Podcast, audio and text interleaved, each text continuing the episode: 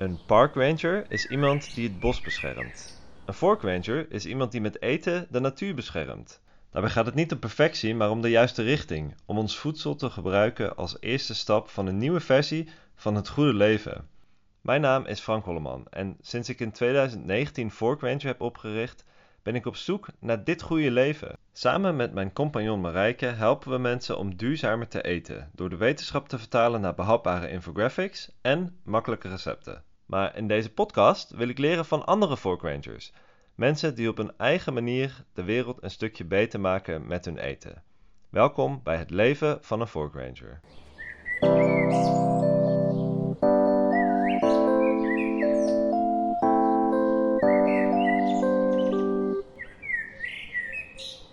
In deze allereerste aflevering had ik een heel boeiend gesprek over een best wel controversieel onderwerp: jagen.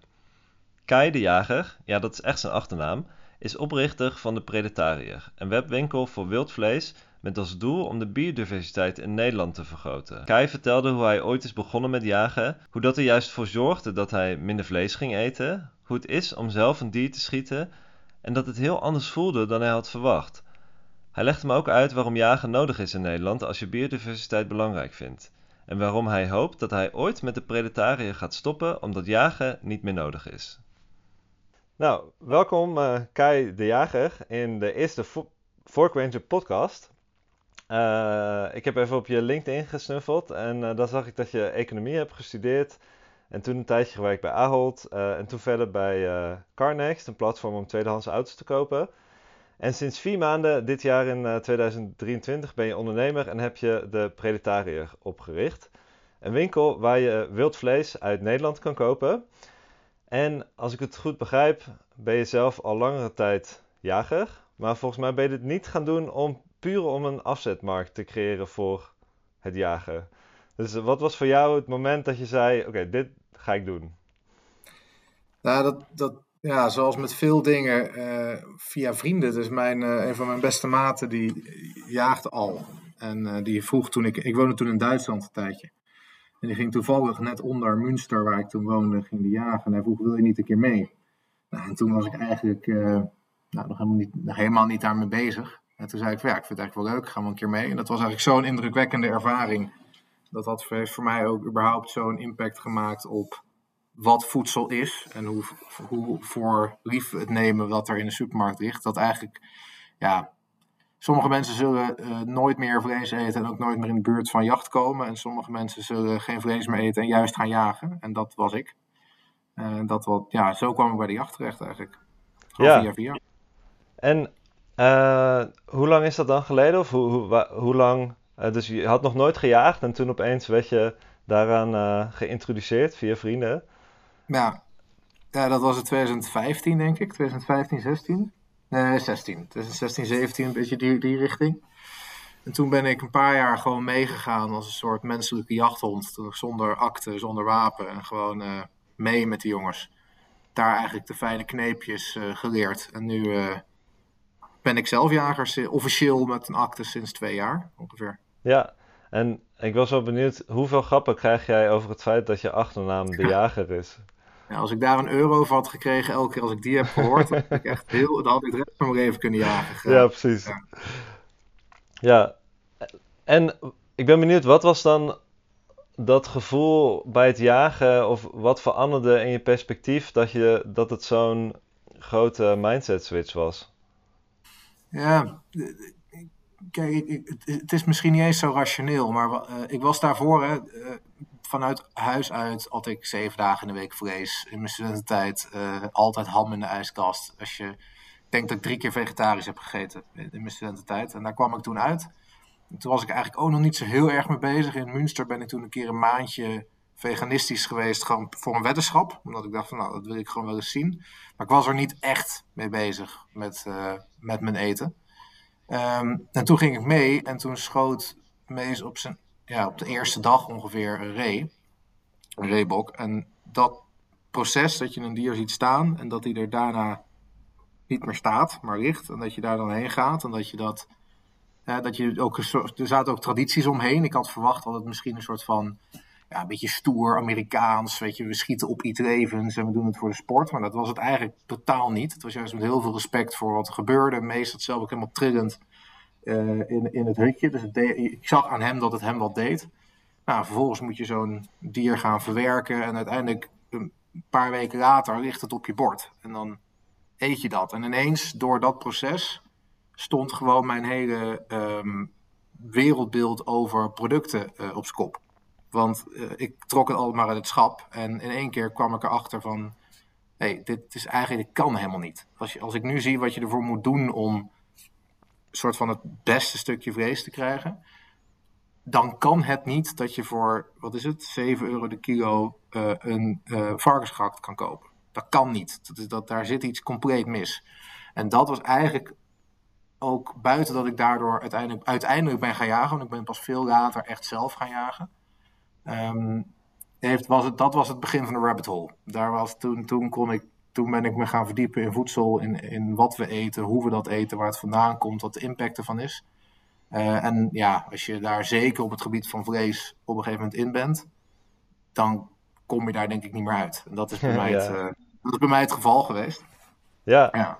Ja, indrukwekkend om te horen. Dat, um, wat dat met je doet ook. Um, en ik ben ook benieuwd, soort van hoe, hoe zou je het omschrijven, het moment dat je zelf een dier doodschiet? Wat gebeurt er dan met je? Nou goed, laat ik teruggaan naar de allereerste. Kijk, de eerste keer dat ik erbij was, dan um, je moet ook het proces voorstellen. Hè? Dus je bent helemaal naar Duitsland gereden. Je gaat ochtends echt heel erg vroeg ga je naar, uh, in het donker nog, dus een uur voor zonsopgang, pikken donker naar het bos toe. Dan, daarvoor heb je dagenlang uitgezocht waar je dan precies zou kunnen zitten, sporen zoeken. Dus je bent echt bezig om ja, dat dier te vinden. Uiteindelijk ga je daar zitten. Dan moet je maar hopen dat dat dier komt. En als hij daar is, dan gaat het schot af. Dat gaat allemaal heel snel. Je hebt het gevoel dat het heel lang duurt, maar het gaat allemaal heel snel. Um, en dan het gevoel wat het mij, toen ik het voor het eerst zelf deed, is, is je, je zit echt rillend. Het is een soort van hele gekke combinatie tussen bijna ook een beetje spijt. Zo van, want het is, ja, het is toch ook wel gewoon, is en blijft een dier. Het is, een, uh, het is sowieso de, e-, een enorme paradox dat je iets waar je heel veel om geeft en van houdt en wil beschermen, namelijk de natuur en waar het dier onderdeel van is, dat je dat ook uh, kan doden. En dat is wel iets wat ik heel moeilijk aan mensen kan uitleggen, nog steeds, omdat die link er niet is. Terwijl diezelfde mensen bijvoorbeeld ook weer vlees eten, weet je wel. Dus het, het, ja, dus wat het gevoel wat het geeft, extreem, het is een heel complex gevoel. Ik kan je niet, het is aan de ene kant ook weer, en, en dat gaat niet iedereen leuk vinden om te horen, een stukje overwinning. Die zit heel veel, heel veel gaat eraan vooraf. Om er uiteindelijk voor te kunnen zorgen dat jij dat kan eten. Of, en ook dat je meehelpt aan het beheer. Want Um, mensen vergeten wel eens dat jacht uh, niet zozeer meer oogsten is tegenwoordig. Het is niet meer per se je eten halen. Het is merendeel in Europa draait het erom dat we uh, de troep, de zooi die we zelf gecreëerd hebben, opruimen. Namelijk, we hebben hekken ergens omheen gezet, natuurlijke migratie stopt. We moeten daar ingrijpen. Als we dat niet doen, dan stopt de bosverjonging. Dan kunnen we het hout waar we al onze huizen mee bouwen niet meer krijgen. En waar we allemaal verduurzaming mee willen doen. Hè. Eh, er gaan flora en fauna, zoals in de waterleidingduinen, gaan eraan. Dus het is niet eens meer het eten zelf. Het is meer, je, moet, je moet ingrijpen. Ja, want dat, uh, de vorige keer dat, je, dat ik je sprak, hadden we het ook even over die waterleidingduinen. Wat, wat zie je daar als je daar rondloopt? En waarom is jagen dan de oplossing? Uh, kijk, jagen is niet de oplossing. Dat is het, dat is het belangrijkste om te zeggen. En uh, um, jagen is niet de oplossing. Jagen is wat we onszelf. We moeten dat nu doen. Maar de echte oplossing is natuurgebieden aansluiten. Uh, regeneratieve landbouw. Zorgen dat er meer biodiversiteit komt. Zorgen dat die dieren weer kunnen migreren. Zorgen dat we. Uh, dat is de oplossing wat we nu doen en wat gewoon praktisch niet kan. Kijk, de waterleiding ligt tussen heemsteden, hoofddorpen. Het ligt gewoon midden tussen dorpen in. Dus als je daar de hekken weghaalt, nou, succes met herten over de, over de weg. Dat lukt niet. Dus je moet daar dan binnen wat je hebt gecreëerd een, voor, een leefbare, werkbare vorm vinden. Nou, een paar jaar terug is er besloten om daar niet meer te jagen. Of laten we zeggen beheren. Want kijk, jacht, ook in het boekje, als je dat leert als jager Jacht is om voor oogsten, dus om te eten. Dus dat is, we hebben ergens 100 eenden, de balans is gezond, dan kunnen we daar 20 eenden uit eten en het jaar daarna zijn er weer 100 eenden. En die 20 eenden, dat zou je jacht kunnen noemen. Dat is benuttingsjacht om te eten. Maar wat er in de waterleiding, waterleidingduinen gebeurt, is beheer. En er zijn meerdere vormen van beheren. Je kan chemisch castreren. Ja, je kan ze een pijltje schieten en dan kunnen ze niet meer voortplanten. Dat vind ik een onnatuurlijkere manier van beheren dan jacht. Maar daar kun je een hele goede fundamentele discussie over hebben. Maar wat er in de waterleiding, wat je daar ziet, gewoon heel concreet, als je het vergelijkt met hoe het was, er waren daar reeën. Er waren daar heel veel verschillende soorten uh, flora die er nu niet meer zijn, waar nu kleine kooitjes omheen staan. Um, dat is er niet meer, omdat we het niet hebben ingegrepen, omdat we het hebben laten gaan. En wat je daar nu ziet, zijn damherten die. Het zijn er zo vreselijk veel dat als ik zo'n damhert in Duitsland zie, dan stijg ik door het dak heen. Terwijl daar kun je ze praktisch aaien.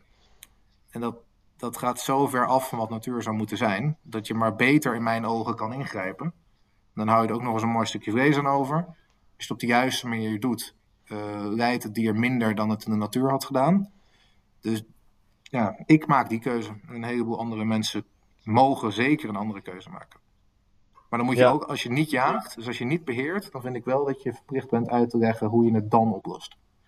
Want de reeën en de, en de kleine bijtjes en de vlinders, of de Oostvaardersplassen, dat is tegenwoordig een ganse ontmoetingsplek. Terwijl het vroeger de vogelhotspot van Europa was.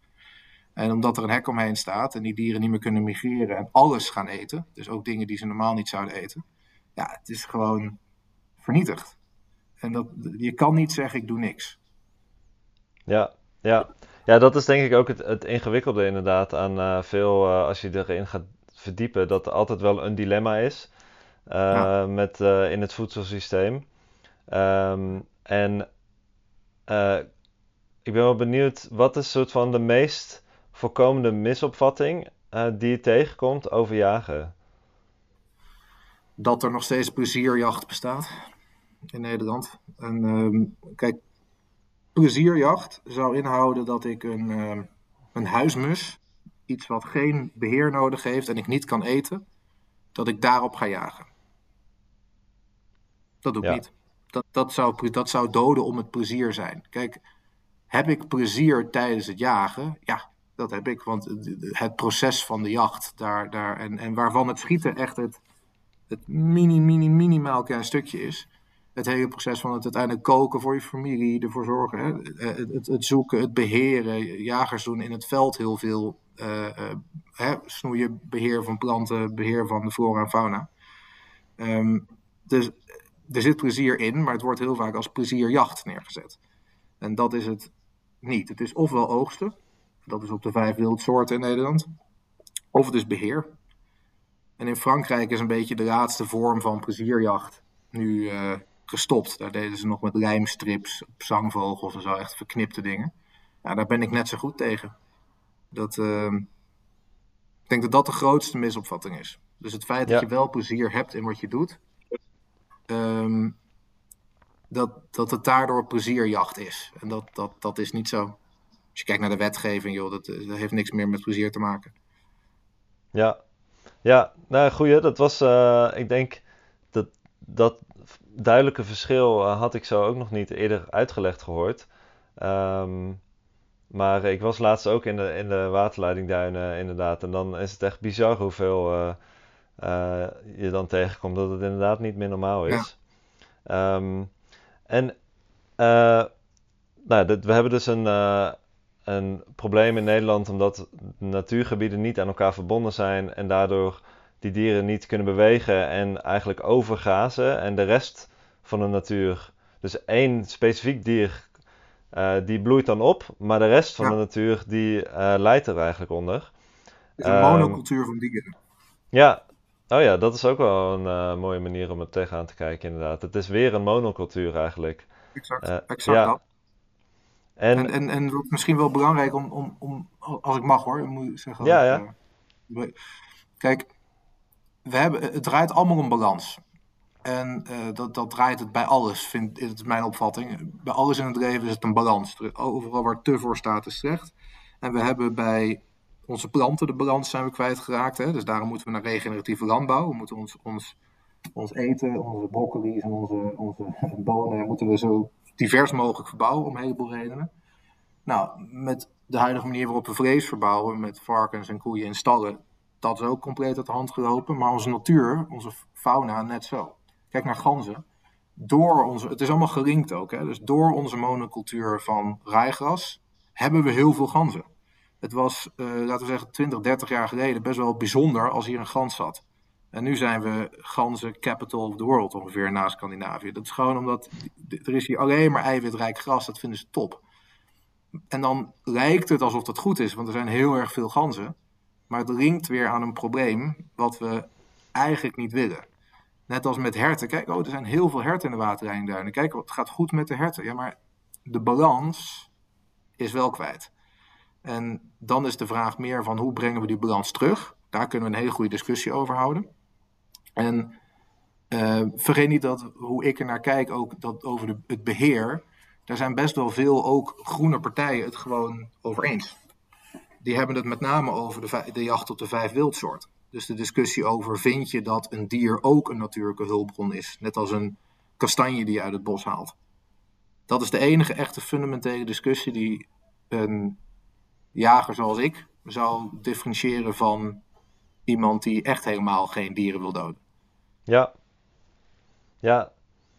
En dus we hebben dat um, dus jagen als beheer.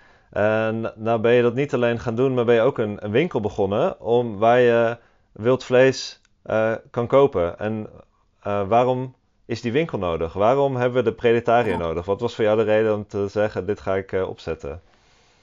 laat, ik, laat ik beginnen met wat de predetariër als grote doel heeft. Hè. Dus wij Um, Mees kwam ooit achter. Ik, ik, ik ben vegetariër, Mees is echt bijna vegan. Maar we jagen wel. Dus we konden onszelf eigenlijk niet echt een sticker geven. En toen kwam hij met het idee van: hij zei. Maar zijn we dan niet predetariër? Dus hè, we, we, we, eten wat we oogsten of wat we jagen. Verder eigenlijk zijn we, eten we planten. Dus planten plus wild. Daar is nog niks voor. Nou, daar is die naam vandaan gekomen. En dus wat we eigenlijk willen doen, is wij willen zorgen dat, je, dat iedereen heerlijk en eerlijk kan eten zonder alle dingen als biodiversiteit, hokken, stallen. Um, of zonder, niet zonder biodiversiteit, zonder bio-industrie, sorry. ja. En, en, met herstel van biodiversiteit. Uh, en dat heb ik heel erg ook meegekregen van Wilderland bijvoorbeeld. Het, een bedrijf wat uh, thee maakt die biodiversiteit herstelt en ondertussen ook andere producten. Het is zo vet om te kunnen eten terwijl je weet dat je goed doet. Nou, en dan kom je bij het concept wild doordat we moeten beheren. En als je dat dan vervolgens eet, dan ben je direct goed bezig. Want als je het niet eet, dan wordt het ja, weggegooid of wordt er, wordt het, gaat het naar hondenbrokken in de vorm van ganzen. Gaan bijvoorbeeld het allergrootste deel gaat gewoon naar, naar hondenbrokken. Ja, dat, dat doet mij vrij veel pijn als jager als je dat weet. Um, en hetzelfde geldt, een heleboel wild zijn we aan het opstapelen voor de kerst. En er zijn er maar een paar mensen die daar heel erg veel geld aan verdienen. Terwijl waar moet een beetje geld achterblijven, denk ik. Ook bij de gebieden waar we die dieren weghalen. Daar wil je eigenlijk dat een deel van dat geld wat we met die dieren uiteindelijk verdienen, dat dat teruggaat om daar biodiversiteit te herstellen, natuur te herstellen, om jagers de mogelijkheid te geven om nog verantwoorder te jagen. Dat, ja, dat is waarom we de predatariër zijn begonnen. Dus om dat predatarisch dieet te faciliteren. En daarvoor zijn we nu een webshop begonnen. We zijn bezig met een, uh, met een winkel openen. En misschien dat we wel een keer een restaurant ergens doen. Of dat we een foodtruck. Hè. Dus we gaan allemaal manieren vinden om uh, mensen wild te laten eten. En dus ook een optie te geven om geen bio-industrie meer te eten. Dus om dat ja. varkenslapje te laten liggen. Dus het is heel erg... We zeggen, je moet minder vlees eten. Je kan niet elke dag vlees, of eh, wild eten. Dat kan, dat, dat, ja, of je moet echt, echt heel veel geld hebben. Maar dat, dan, hè, dat kan niet. Dus het wordt minder en anders. Nou, en dat is wat wij faciliteren. Door verantwoord geoogst wild te verkopen. Ja, duidelijk. En uh, voor de mensen die... Ik ben zelf ook nog niet zo heel lang uh, bekend met, uh, met wild vlees eigenlijk. Wat is het stukje vlees waarvan je zegt van... Dit is echt... Um, uniek aan wildvlees? Of waarvan je zegt van dit heeft een unieke smaak, of misschien wel jouw favoriete soort vlees? Ja. Um, als ik naar mezelf kijk, wat ik het. Kijk, het allerlekkerste wordt even over het algemeen uh, is rug. Dus de, de, de, de rug van ree, dat is zo ongelooflijk mals en smaakvol. En dat komt ook omdat een ree is een snoeper. Dus als je een hert ziet staan, een hert is een beetje een koe die graast. Dus die, die eet gewoon alles wat voor hem staat. En dan, ja, dus dat is heel, ook weer, die, ja, die eet niet zo heel, die, die kiest niet de allerlekkerste dingen uit. Dus als je een ree ziet lopen, dan zie je hem snoepen. Die zie je precies weten, hier een braampje, daar een klein knopje, daar een klein uh, stukje gras. Alle lekkere dingen pakt hij er uit. Nou, en dat proef je meteen in het vlees. Um, dus dat is het lekkerste. Maar als ik dan naar mezelf kijk, wat ik het meeste miste aan vlees eten, want ik vond vlees altijd wel gewoon heel erg lekker, zijn toch een beetje de standaard dingetjes. Dus een, uh, een brakje grillworst. Ja, ja. Of een broodje pastrami. of een broodje. Nou, en ik maak bijvoorbeeld broodjes, broodjes van gans. En dat zijn voor mij een beetje de dingen die ik het meest mis. Mijn, avond, mijn avondeten doe ik al, weet je, ik denk al niet eens meer aan vlees kopen. Ja, die grillworst is uh, trouwens waar mijn vrouw ook meteen enthousiast over werd uh, toen ze die op jullie site zag. Uh, dus dat is, dat is wel leuk. Ja, die is echt goed. Hè? Ehm. echt, die, wat de jongens van Wild van Wil doen is echt goed te zeggen. Ja, mooi. Um, je schrijft ook uh, dat um, een predatarisch dieet, daar had je het net al over, een predatarisch dieet is plantaardig eten en uh, aanvullen met verantwoord geoogst wild wanneer dit voorhanden ja. is. En hoe vul je dat zelf nu in? Dus hoe eet jij door de week? Uh, hoe vaak heb je dan een stukje vlees of een, een plakje worst? Ik denk dat ik um, één keer in de twee weken vlees eet. Kijk, wat ik nu veel heb, we zijn natuurlijk producten aan het proberen. Dus dan, daardoor proef ik veel. Uh, maar ik moet zeggen dat ik het meeste daarvan ook gewoon aan mijn vrienden die in de buurt wonen weggeef. Ik, ik denk dat ik effectief één keer in de twee weken vlees eet. Uh, en uh, dat, dat is ook eigenlijk hoe het zou kunnen en zou moeten. En nu zou ik natuurlijk als jager het wat vaker kunnen doen. Alleen, ja, het is voor mij ook iets wat ik toch bijzonder probeer te houden. Ja, ja, inderdaad. Uh, ik zag nog een. een uh, ik ging natuurlijk ook even kijken, heel snel naar uh, onderzoek over wild vlees. En vanuit Fork Ranger kijken we altijd veel naar de CO2-footprint. En dan is dat niet voor elk product echt relevant. Maar ik vond het wel grappig dat er een. Um, een studie was die, die kwam tot de conclusie dat de footprint van wild vlees ongeveer op dezelfde categorie ligt als kip. Uh, omdat 85% van de uitstoot komt van het autorijden om uh, te gaan jagen. Uh, dus dat is wel grappig. Dat het, dat, het is natuurlijk net waar je het, waar, je het, waar het bij hoort. Als jij een weekend naar Duitsland gaat, of dat een uitje met je vrienden is. Of dat het transportemissies zijn van, van vlees. Maar dat vond ik wel een, um, een grappig iets. Um, heb je daar nog iets over geleerd of over gezien? Of, of hoe doen jullie dat? Nou, ik vind het wel interessant, want dat is eigenlijk een beetje dezelfde discussie die je hebt bij lokaal bij de boer groente kopen. Dat het tripje naar de boer, uh, soort van meer dan vier kilometer, wat is het ook weer, dat, het, dat je het dan eigenlijk niet meer moet doen, want dan, dan is het slecht voor de natuur. Um, ik denk alleen, wat hier het interessante is, en dat we, om terug te komen op een punt wat ik eerder maakte. We jagen niet per se omdat we dat vrees willen hebben. Want anders wordt het, anders wordt het al gauw weer een hertenkamp. Hè? Dus dan gaan we ook gebieden inrichten om die, om die dieren daar te kunnen eten. Ja, dat is dus precies wat ik niet wil doen. Het, het, het is weer van we hebben, we hebben een verplichting in te grijpen. Dat we daarvoor een auto moeten pakken en daarheen moeten rijden. Ja, dat klopt. Maar als we het niet doen, dan gaat andere flora en fauna aan. Dus ik, als ik heel ja, eerlijk ben, is, zou ik zeggen dat het onderzoek niet heel uh, representatief is ten opzichte. Wie kan het niet met kip vergelijken? We, hebben, we, zetten een kip bewust ergens neer voor de groei van die kip. Terwijl, eh, ja, jagen is ook, het is voor mij ook mijn vakantie. Hè? Dus het is, het is, ik was ook anders naar, uh, naar Frankrijk gereden. Om, als ik niet was gaan jagen. Dus dan kun je dat autotripje dan aan dat vlees koppelen. Of is het, is het iets anders? Ja, die, die, vind ik heel, die vind ik heel lastig. ja, precies.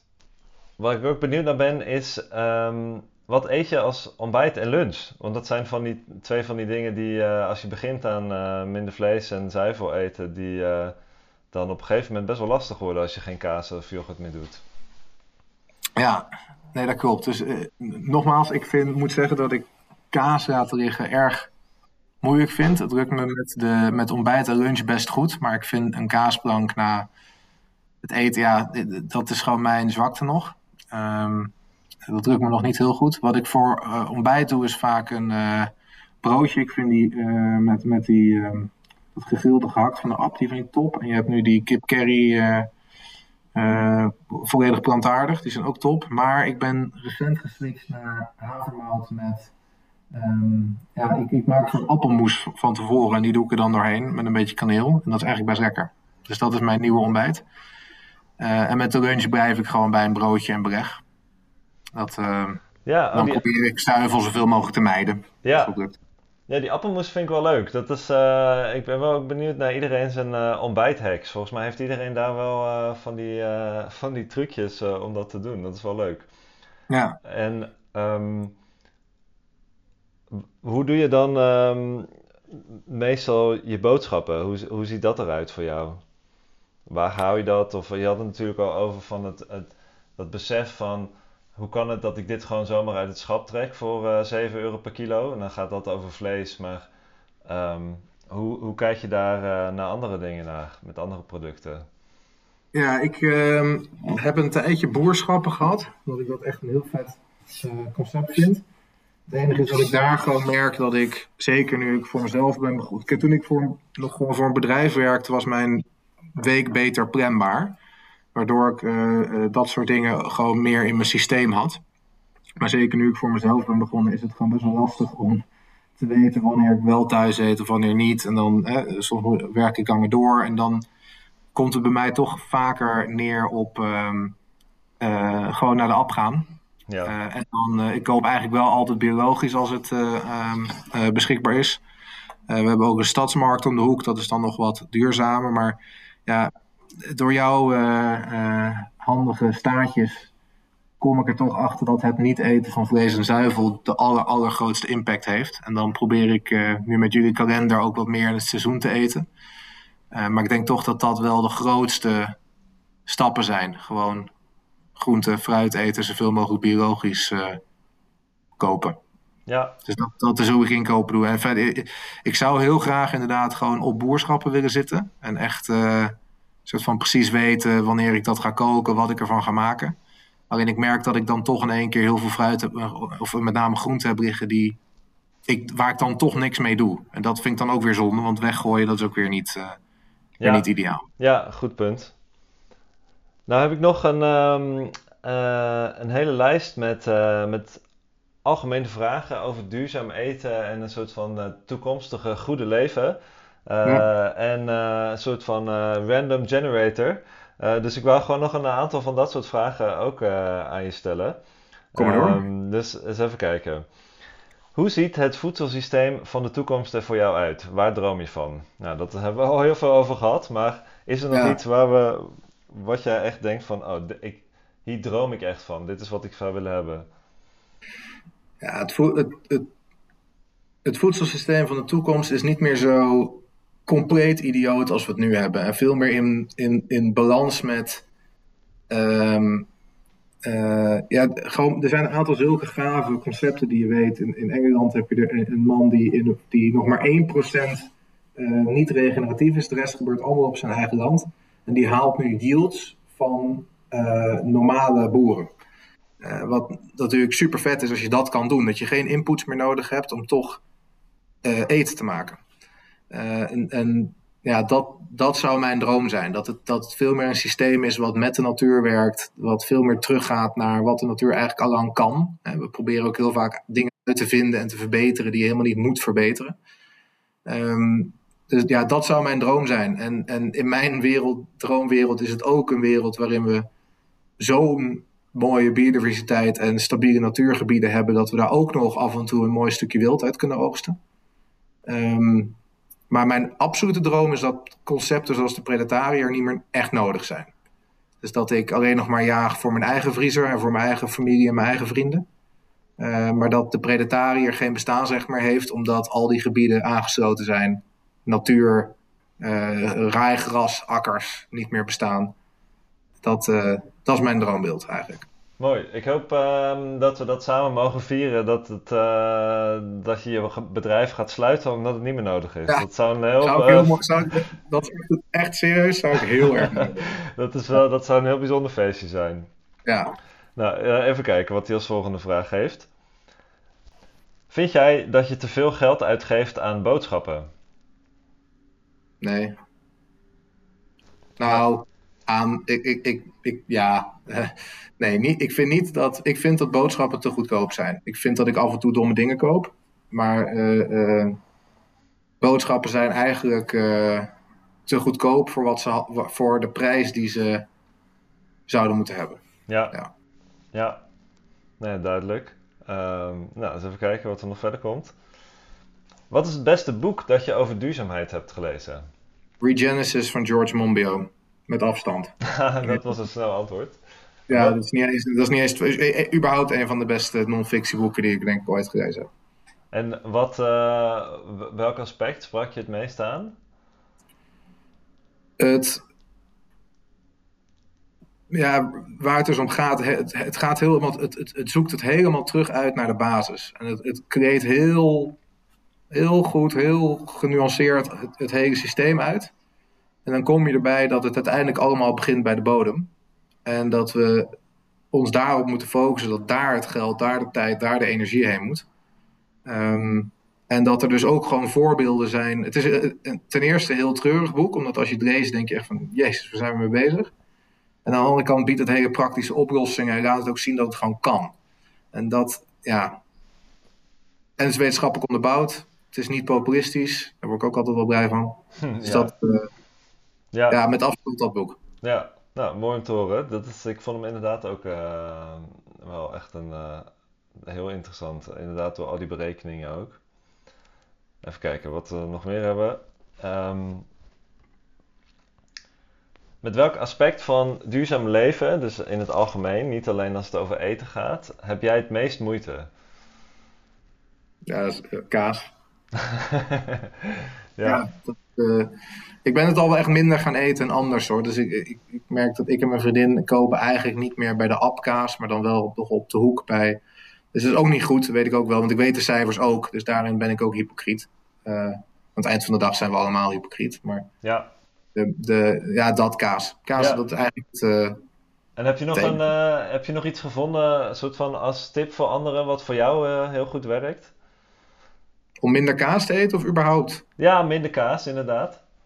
Ja, minder ka- ja, dan kom ik toch ook weer terug bij sommige tips die jullie geven. Maar ehm, eh, ja, bij mij, het is, ja, maak van kaas ook wel echt iets bijzonders. En geef er dan gewoon, geef maar eens een keer gewoon 20 euro per kilo aan een stuk kaas uit. Hm, ja. Eh, want dan, dan ga je er vanzelf zuiniger mee doen. Als je zo'n smakeloze kaas van de app koopt, dan doe je inderdaad een keer twee plakken op je brood, omdat je het anders, ja, omdat het anders geen zin heeft. Ehm, dus eh, ja, gewoon weer kwaliteit boven kwantiteit in dat, in, eh, in dat geval. Ja, En er zijn hele goede vervangers tegenwoordig. Dus bijvoorbeeld eh, die Wild Westland heeft nu die, die smeltkaas, die, die neppen. Dat is eigenlijk de eerste die ik echt lekker vond. Daar- Daarvoor was het allemaal niet zo heel super. Ehm, dus er, er komen wel steeds betere varianten. En ik vind het persoonlijk ook wel leuk om het gewoon te proberen. En soms zit je goed en soms zit je er helemaal naast. Dus dat is ook wel een ding. Gewoon proberen. ja, ja, het klinkt bijna ook een beetje als een, eh, als een spelletje of zo. eh, net als met Ja. die, eh, hoe heet die dingen, van die jelly beans of zo. Dat je dan in een zakje grijpt en dan, nou, misschien is die heel lekker en misschien niet. Maar als je, het zo in, als je zo ingaat, is het ook wel heel anders. Nou, ik denk dat dat sowieso wel voor mij ook, hoe, hoe ik het op een gegeven moment ben gaan zien, ook een beetje als een uitdaging, als een spelletje. Weet je, hoe, hoe, hoe, hoe kan ik zo lekker mogelijk, want ik hou gewoon ook gewoon heel erg van eten, eh, lekker mogelijk en zonder met zo min mogelijk impact. Helemaal niet vanuit het negatieve van ik moet dingen laten, maar juist van misschien kan ik wel heel veel mooie andere dingen ontdekken. Ja, ja, mooi. Dat, eh, daar zijn we het helemaal eh, over eens met elkaar. Ehm, ik vroeg me nog af om af te sluiten. wat zijn de minder leuke momenten aan je werk? En wat vind je het allerleukst? Poeh.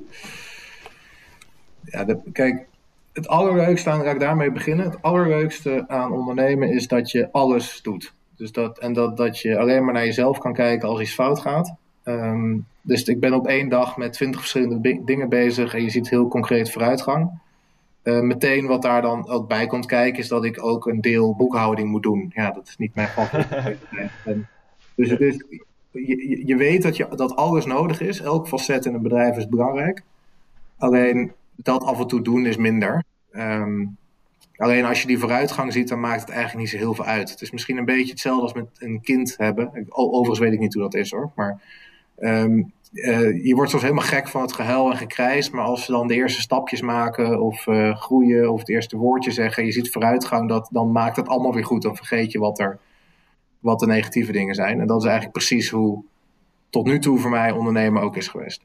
Leuk, mooi om te horen. Uh, dat vind ik ook echt leuk om uh, te zien hoe zich dit verder gaat ontwikkelen. Um. En um, als allerlaatste vraag, wat is, het, wat is jouw favoriete recept wat jij aan mensen zou mee willen geven? We kunnen dan later nog een linkje uh, ergens uh, zetten. Maar heb je, heb je iets wat, wat je denkt van dit zou iedereen, keer, iedereen een keer moeten eten? Ja, um, god dat is een goeie.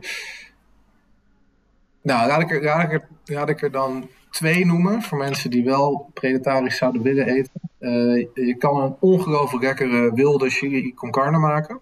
Uh, dus dan gebruik je gehakt van hert of van gans of et cetera. Dat is echt, dan weet je niet wat je proeft. Dan ga je nooit meer, nooit meer überhaupt um, chili con carne eten met normaal uh, bio-industrievlees.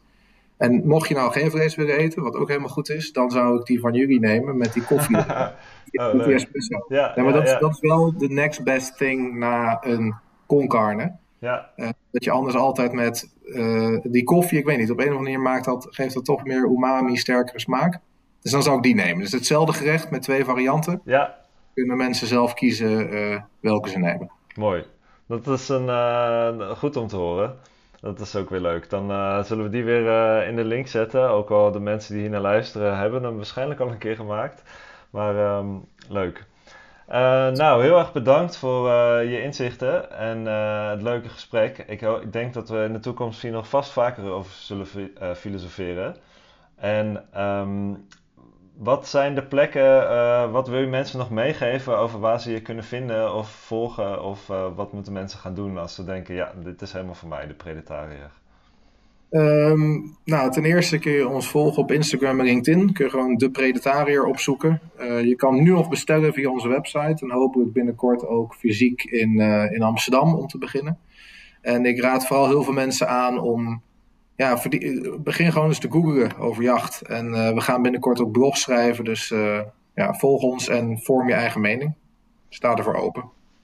Nou, top. Dan uh, die blog zullen we ook wel weer gaan delen. En dankjewel Kai. En dan spreken we elkaar snel weer. Helemaal goed. Thanks.